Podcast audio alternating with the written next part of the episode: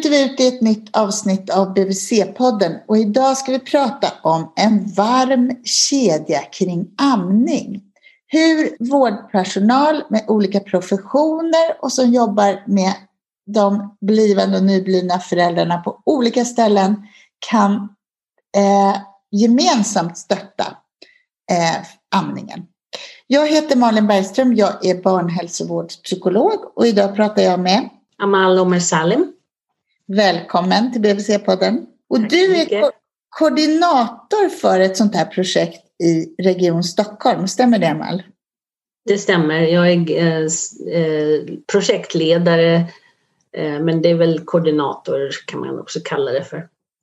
Och jag vet att du har sagt att vårdkedjan är viktig kring amning, men att det ska vara just en varm kedja. Vad menar du med det? Ja, alltså en varm kedja Eh, på engelska heter det warm chain of support. Och eh, det är ett koncept som ehm, myntades faktiskt av WHO på 90-talet och eh, det har WABA, då World Alliance for Breastfeeding Action, har tagit det vidare och sedan 2016 försökt ehm, propagera för det, för en varm kedja. Och det om man tänker på till exempel vacciner, eh, vaccinationer, att de kräver ju en, en kall kedja. Eh, det betyder att eh, alla delar i kedjan måste vara eh, på plats, att den måste, de måste fungera och eh, så vidare när det gäller vacciner, att de ska vara effektiva. Att, eh, vi tycker att eh, stöd och eh, råd och stöd till amning är eh, varma element. Det är någonting som är varmt. Det, det handlar om relationer, det handlar om näring och så vidare. Så på ett liknande sätt så är det ju väldigt många olika aktörer, eh, många olika eh, som intressenter eh, till exempel som träffar eh, föräldrarna eh, från graviditeten och eh, sen kring förlossningen och, och den tiden därefter och eh, sen under barnets eh, första levnadsår. Så är det många olika professioner och eh, aktörer som, som eh, träffar eh, föräldrar-barnparet och eh, de då eh, kan ge information och stöd och så vidare. Och här behöver man då, eh, om man tänker sig en, en varm kedja då, att, att där länkar man ihop alla de här aktörerna, att de pratar med varandra, att man lämnar över. Till exempel barnmorskan to- på en barnmorskemottagning till exempel. Där lämnar man ju över information och eh, genom olika register och dokumentationssystem eh, till förlossningen till exempel. Och när, när man kommer till förlossningen och, och, och eh, sen lämnar man ju över information till BB och sen till BVC och så vidare. Och så vidare. Så att man behöver länka ihop alla de här aktörerna och de behöver prata med varandra. De, man måste ha informationsöverföring så att eh, föräldrar-barnparet som går igenom den här tunneln eller vad man ska kalla det för då, eh, den här, gör den här resan, vårdresan, eh, att de får liknande information, enhetlig information och stöd när de behöver den. Så då blir det som en varm kedja.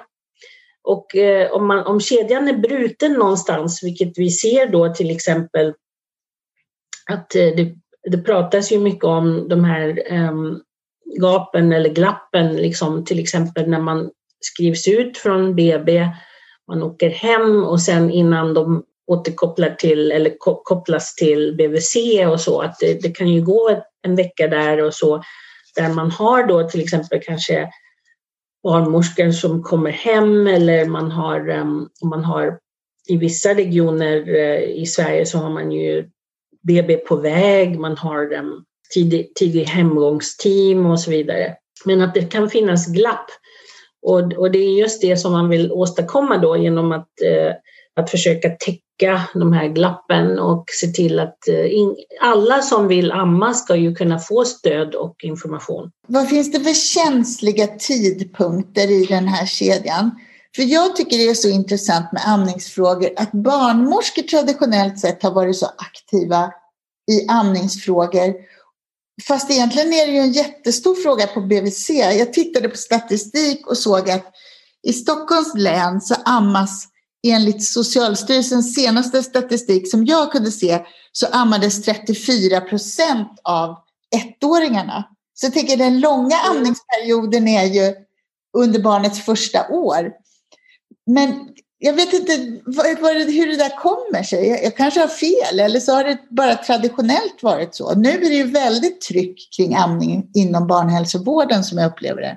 Jo, men jag tror att eh, du, du, du har rätt där att eh, traditionellt eh, så, så är det barnmorskor som har, ehm, det har varit, amning har ju legat där. Eh, det, det, är fortfarande så, men nu är det fler som eh, engagerar sig då på BVC till exempel. Då att man, man, man, har ju, man satsar ju nu, i Stockholm så finns det ju en stor satsning på amningsmottagningar till exempel. Och, och det är jättebra tycker jag att man satsar där för det är en sån lång period också om man tänker sig under barnets hela lev, första levnadsår och även längre då för de som väljer att amma mer än ett år. Men har vi någon um, statistik på det, hur många de är? Vet du det? Eh, nej, alltså det samlas ju statistik i Sverige upp till ett år. Eh, vilket är lite förbryllande. Alltså jag måste säga så här att jag, jag har ju då jobbat väldigt mycket internationellt och då eh, är ju det här när jag kom när jag började jobba då, då, det var ju först i september 2020 som det här projektet startade. Så det har ju bara gått några månader. Men en sak som slog mig, um, många saker som slog mig, men en av dem var att um, varför samlar man bara statistik upp till ett år? Uh, det är i och för sig bra att man gör det, men ehm, um, WHO till exempel förespråkar ju amning till eh, två år eller längre. Och nu har inte vi data på, från Sverige på, på det, så att vi kan ju inte rapportera till WHO om det. Och har vi ett eh, rikssnitt på 27 procent vid ett år och en siffra i Stockholm på 34 procent, då vill man ju se hur det där ser ut sen. Det är ju en jättestor... Ja, precis. Det kanske är, jag menar om man hade statistik så kanske till två år så kanske man skulle se att eh, ja, åtminstone 10 procent kanske ammar till två år. Det, om man skulle kunna rapportera det. Så att det där är någonting som jag tycker man borde utöka så småningom eller fundera på i alla fall och att samla statistik så att man kan eh, ha en fullständig bild av ehm, eh, hur amningen ser ut i Sverige. Jag frågade dig om kritiska liksom, länkar i den där vårdkedjan, för du pratade om ja.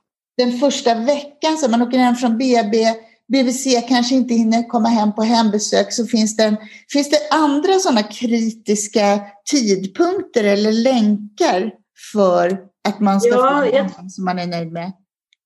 Ja, alltså det här amning är ju en process. Det, det har ju en... Um, när startar amningen och när slutar den? Um, det är kanske enklast att säga, veta när den slutar Eh, är då när barnet eh, får sin sista slurk. Ehm, och det är, det är inte, om man frågar kvinnor, det var intressant, eh, det är många kvinnor som inte kan komma ihåg exakt när det slutade. Det, det kan ju minska så, men när börjar det? Jag, jag vill säga att det börjar redan under graviditeten på ett påtagligt sätt och kanske även innan gravid, man blir gravid eller i tidig graviditet. När man börjar tänka kanske på det här om hur hur vill man vara som förälder? Hur ska man göra och hur ska vi, ska vi amma eller ska vi inte och hur länge och så vidare. Man, man kanske börjar tänka på det. Och, eh, där, och det finns forskning också som visar på att um, man behöver så att säga prata om amning redan under graviditeten. Och det gör vi i Sverige då, att man har ju då uh, olika samtal, till exempel vecka 16 tror jag, eller kring vecka 16 och sen igen då senare under graviditeten och sen så finns det möjlighet nu att få extra stödsamtal då ehm, eh, under graviditeten för de som är lite ambivalenta eller som har haft en, en tidigare, tidigare dålig erfarenhet eller har en amningsoro eller så. Att man kan få med sin barnmorska extra stödsamtal. Och det tycker jag är väldigt bra för, att, eh, för de som är tveksamma så det, det är viktigt, det, är kritisk, det finns kritiska punkter under graviditeten. Eh, jag tror att en tidig, eh, att, att tidigt under graviditeten ta upp det då, eh, fråga och ge information så att man kan hinna ha tid att fundera och diskutera med sin partner och, och så vidare och komma fram till ett beslut om man ska amma och kanske även då hur länge.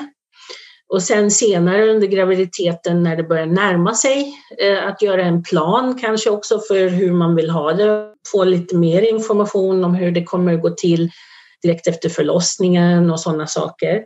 Ja, en annan kritisk tidpunkt ehm, och kanske den viktigaste är då direkt eh, efter förlossningen när barnet är fött och eh, när man lägger barnet, barnet ska läggas på Eh, mammans eh, vid bröstet och eh, kunna hitta till bröstet då med, med hjälp av sina reflexer och så.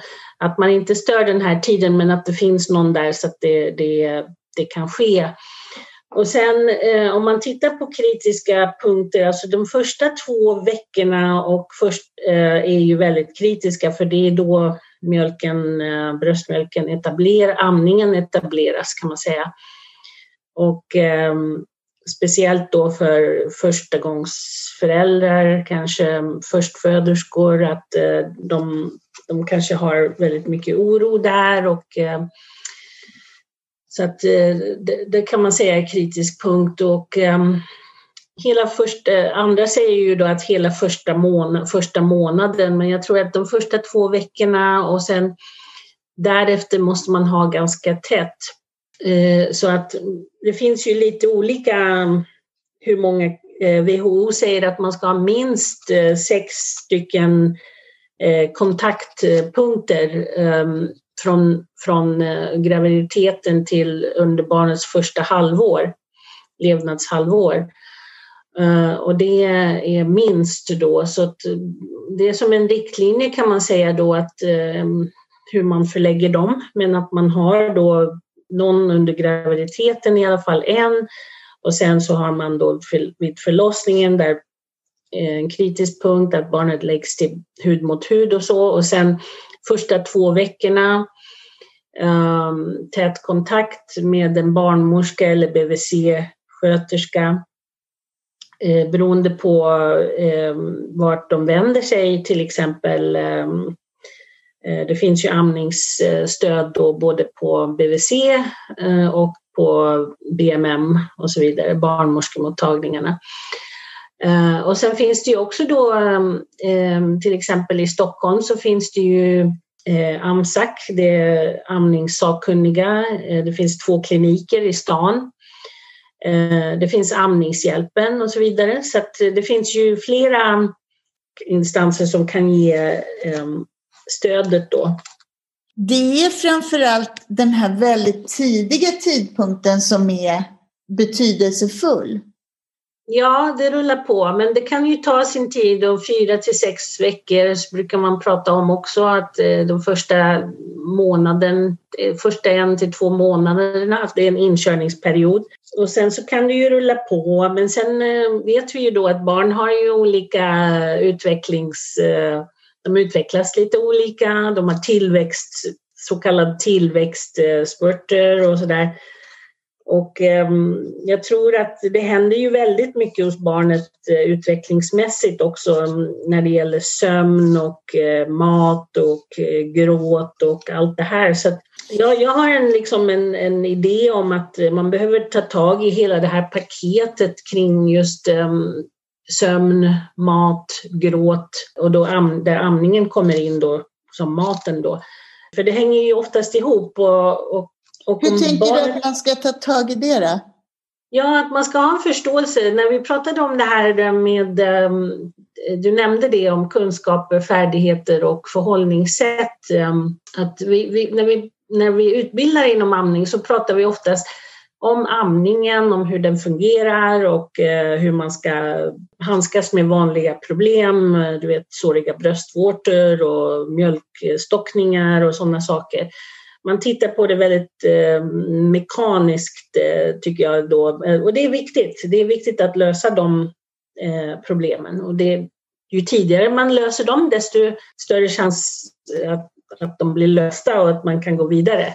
Det är också mycket kring eh, det här hur man ser på det. Till exempel om man har, om barnet inte sover som, förvänt, som, bar, som föräldrarna har förväntat sig då, att vakna väldigt ofta på natten och så vidare och börjar gråta och verkar svår att trösta. Ehm, då är det väldigt ofta det kan hända att man kopplar det då till att barnet inte får i sig tillräckligt med mat. Eh, och, och där, det är därför jag menar att man behöver få en förståelse hos hälsopersonal att um, det, man tittar inte bara, bara på amningen, man måste fråga om allting runt omkring också, hur det ser ut med sömnen och med eh, gråten och maten och sociala stödet och sådär. Så att man får eh, amningen i ett sammanhang. Och det är liksom en del av det här förhållningssättet också, att det inte, åh, nu är det ett amningsproblematik här. Det kan vara annan, en annan problematik eh, och där amningen så att säga får skulden så att säga. Och så att, eh, att bli lite varse om det här och, och, och, förstå också när vi utbildar då personal i amning att vi utbildar inte bara i så att säga, hur bröstens anatomi och fysiologin och alla hormonerna som är inblandade men också om amningen som en process, en dynamisk process. Att den förändras över tid. Att, eh, att det kan bli att du kan gå fram och tillbaka så att säga i, i, i din amning. Du kanske ammar oftare en stund och det är barnet, om man följer barnet då barnens signaler så är det kanske barnen som säger till, ja men nu behöver jag mer bröstmjölk. Därför vaknar de kanske oftare på natten för att få i sig mer då, för att de växer mer. Och att få det här, eh, kommunicera det här till föräldrar också så att de inte blir att man inte kompartmentaliserar eh, amningen så mycket, att man tittar på det i ett kontext, i ett sammanhang aspekterna som du nämnde, Amal, med kunskap, färdigheter och förhållningssätt hos vårdpersonal. Är det någonting som är ja. viktigt att man ser till att alla får som ger amningsstöd oavsett hur gammalt barnet är? Ja, man, man kan eh, förstås eh, se att viss eh, personal är, kommer vara mer engagerade kanske i att ge amningsstöd än andra. Men jag tror att alla behöver ha kunskap. Kunskaperna inom till exempel hela Region Stockholm, vi måste höja dem för vi har sett att då amningsstatistiken går ner. Och det, att det är stora regionala eller skillnader inom stadsdelar och kommundelar och så. Så kunskaperna måste höjas. Vissa måste få mer färdigheter och när med färdigheter så pratar man om hur man handskas med eh, amningsproblem, konkreta. Eh, hur gör jag för att, eh, vad säger jag då till en ammande förälder om, som tycker upplever att de har för lite mjölk? Man måste kunna då också visa och hur man ökar mjölkmängden. Eh, så de färdigheterna, skills som det heter på engelska, eh, de är viktiga. Eh, och sen förhållningssätt, det är viktigt för alla. Hur man ser på amningen, om det är ett alternativ bland alla andra, så att säga, det är likvärdigt med ersättning eller vad förmedlar man då till exempel när det gäller synen på amning? Eh, och där tror jag att jag, jag har hört det från många, de säger ja men det där är en person som brinner för amning, som verkligen har amning i hjärtat. Jaha, hur, hur är det då när man inte har amning i hjärtat? Man kanske har haft en egen eh, svår amningsupplevelse som personal och man tycker att ah, det här med amning, det är, det är inte så viktigt. Då kanske man förmedlar det här om man inte har ett professionellt förhållningssätt. Och det är lite grann som jag pratade tidigare om det här med Tanzania, om hur förhåller man sig som personal till amningen i stort. Till exempel, ett annat eh, exempel på förhållningssätt är hur, hur vi förhåller oss till barnmatsindustrin som personal, hälsopersonal. Eh, tycker vi att det är okej okay att, eh, att, att vi blir industrins förlängda arm och speciellt tror jag det här är viktigt eh, på BVC inom barnhälsovården. Eh, att man då utbildar eh, inom barnmatskoden, om all personal, att man har medvetenhet då om att, hur man ska förhålla sig till vad man får och inte får göra, så att säga. Saknas det eh, sån medvetenhet på BVC idag menar du? Mm, jag tror att det, det, det kanske, det, jag är inte säker på om det är bara på BVC, jag tror i överlag att flera känner ju till barnmatskoden men just vad det, hur man ska förhålla sig till det och hur viktig man är då, att, hur viktigt det är som hälsopersonal att man förhåller sig på ett neutralt sätt gentemot industrin. Och till exempel det finns ju vissa som, som behöver ersättning och det, det är ju någonting som vi, vi alla vet, det är inget eh, konstigt med det. Men just vad är marknadsföring och att tänka att om man eh, hur, hur, hur, vilken position man har som en BVC-sköterska eller BVC-läkare. Eh, man har ju ganska mycket makt eh, över alltså vad man säger och vad man inte säger. Det, det, det påverkar ju, det är en maktsituation. Det är ju en mellan patienten då, i det här fallet föräldrarna eh, och eh, personalen. Det är ju inte en eh, jämställd eller jäm, jämlik relation. Så det är viktigt att tänka på det och liksom tänka på vad, veta vad koden innehåller och vad den säger om hur man ska förhålla sig till det här med industrin och marknadsföringen. När det gäller målen för att bygga upp den här varma kedjan kring amning, vad, vad har ni satt för målsättningar kring det? Ja, vi, vi har eh, bestämt att vi ska jobba inom ehm, fyra eller fem olika områden då. Och eh, det här, den ena är ju då förstås kring dokumentation, att man får en mer enhetlig dokumentation av amning och mer fullständig också då. Att eh, till exempel nu rapporteras ju all statistik till Socialstyrelsen, amningsstatistiken. Men den samlas ju in på lite olika sätt i lite olika system. Till exempel eh, man har ju då obstetrics eh, för, genom BMM och förlossning och sen har man ju det här take care-systemet inom barnhälsovården. Där ser man att, att det finns eh, mycket att jobba med, till exempel även då på förlossning och BB, hur man dokumenterar tillmatningarna, de här onödiga eh, icke-medicinska tillmatningarna så att det blir eh, Eh, bra data på det och eh, orsakerna till varför man ger tillmatning på BB. För det är ju ganska hög frekvens, det är nästan det är kring 30 procent av alla som får tillmatningar på BB redan. Och det är väldigt högt. Och då genom att dokumentera det här kan man ju få ner det också. Att man har en medvetenhet bland personalen att varför, ger vi, varför matar vi nu? Och det finns i Stockholm bra exempel Eh, på Huddinge sjukhus till exempel där man har ett sånt där eh, och Södersjukhuset till exempel SÖS att man eh, dokumenterar genom ett time-out-kort så att man tänker till eh, före man ger en tillmatning att man kollar antingen först och inte bara tar till lite ersättning för att man inte orkar eller hinner klura ut eh, så att säga varför behövs det verkligen. Och, eh, och att få en enhetlighet i dokumentationen så att vi har bra statistik ehm, tillförlitlig statistik. Eh, flera gånger har jag hört under de här senaste månaderna att folk säger ja, du får ta den där statistiken med en nypa salt. Jaha, då tänker jag liksom nej, nej, då måste vi försöka förbättra kvaliteten på den.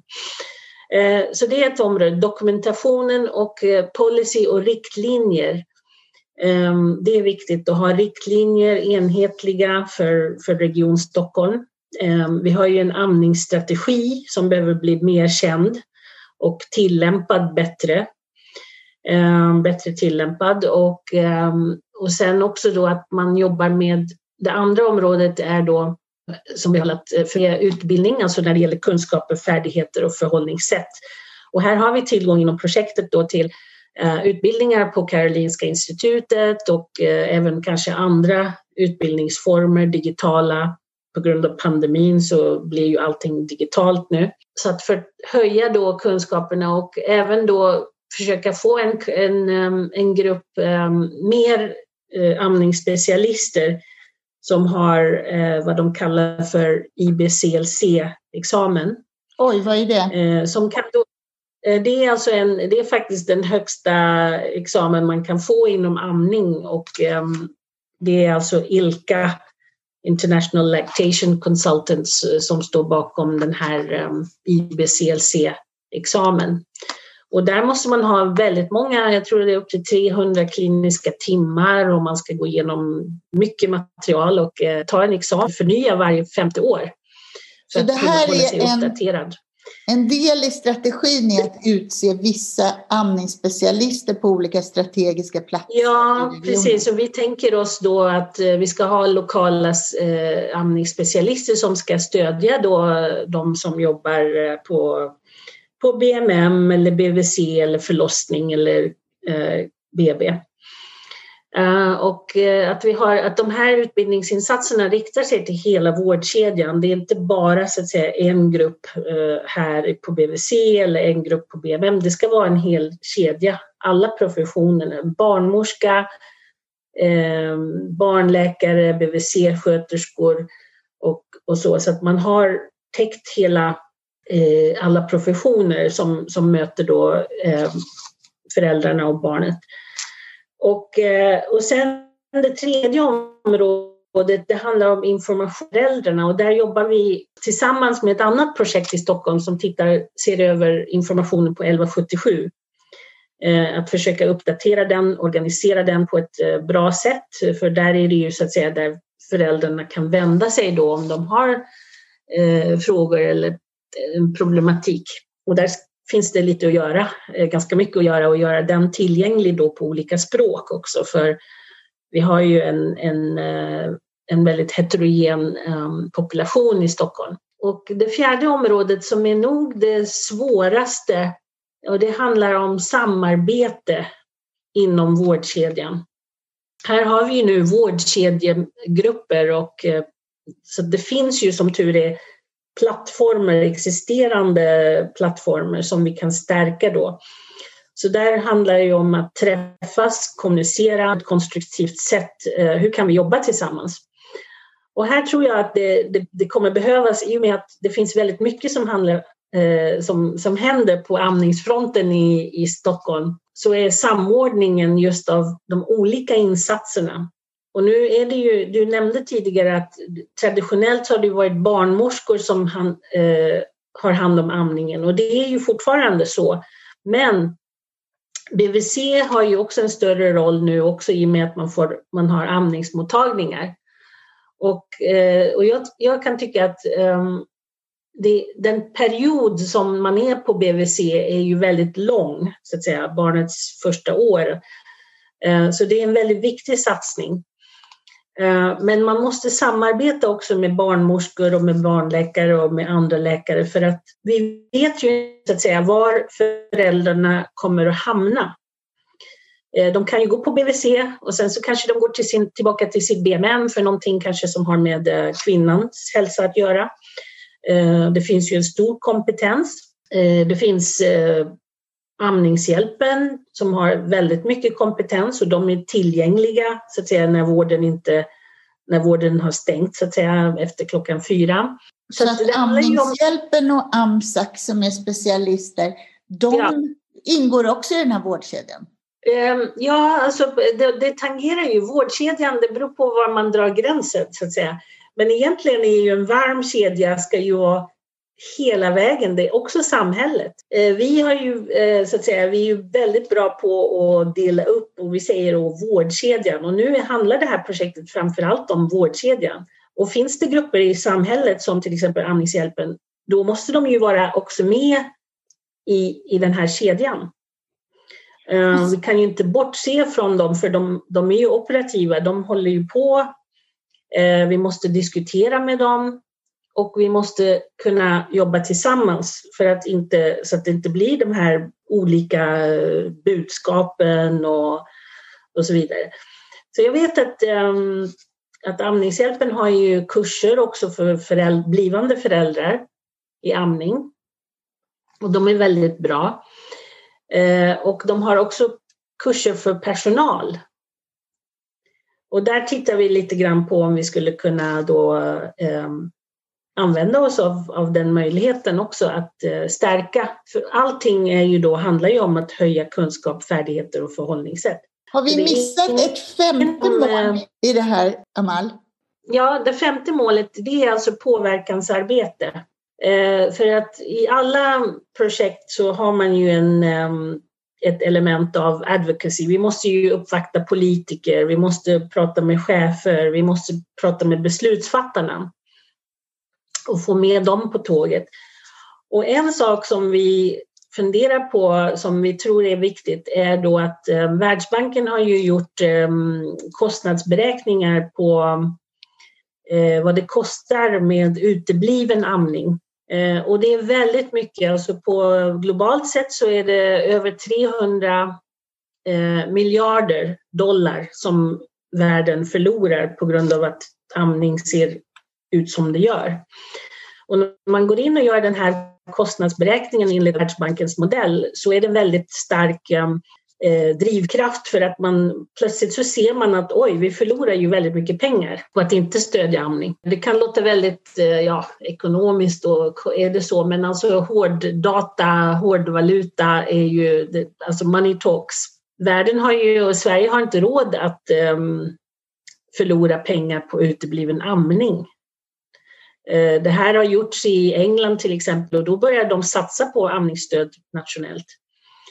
Så jag tror att eh, vi, vi måste driva på, vi måste driva på politikerna, vi måste att de ska också informera, till exempel informera samhällena, utsatta grupper. Det finns ju väldigt många från andra länder. Det finns många som, som inte har det så bra ställt i vårt samhälle. Och, eh, och då måste vi ju då informera också för att det är inte bara vårdkedjan som ska lösa allting. Vi måste ju alla göra något. Och det är väl det som är egentligen det avslutande ordet, att det här är en folkhälsofråga och det krävs att alla i samhället stödjer det här på olika sätt. Så det är väl de fem, fem områdena då och eh, projektet kommer att pågå i åtminstone två år. Riktar sig mot hela vårdkedjan så att det är vi ska försöka få att alla pratar med varandra, att vi höjer kunskaperna och att vi dokumenterar på ett liknande sätt. Och att vi börjar arbetet till att vända den här negativa trenden när det gäller amningsstatistiken. Då låter jag det vara fina slutord om folkhälsoarbetet och så säger jag tack till dig Amal för att du gästade BVC-podden. Tack själv.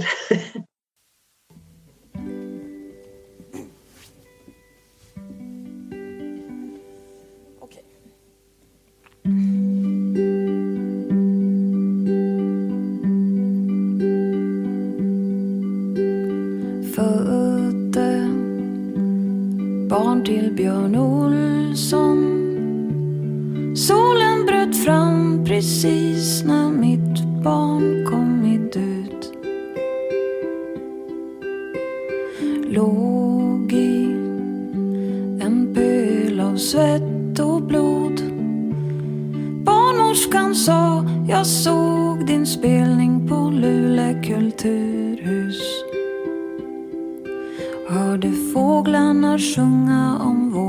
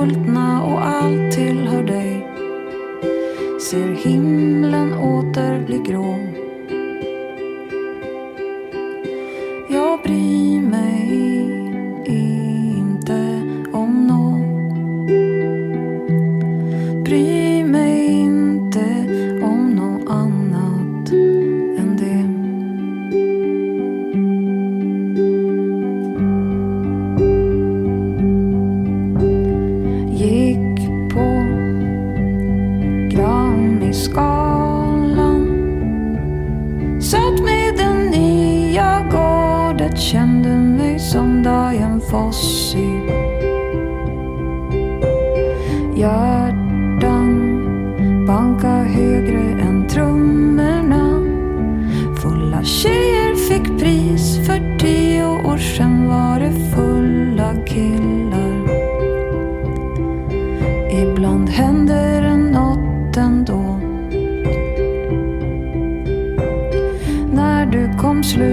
Musik vara rangordning, blir sjunga tillsammans med dig.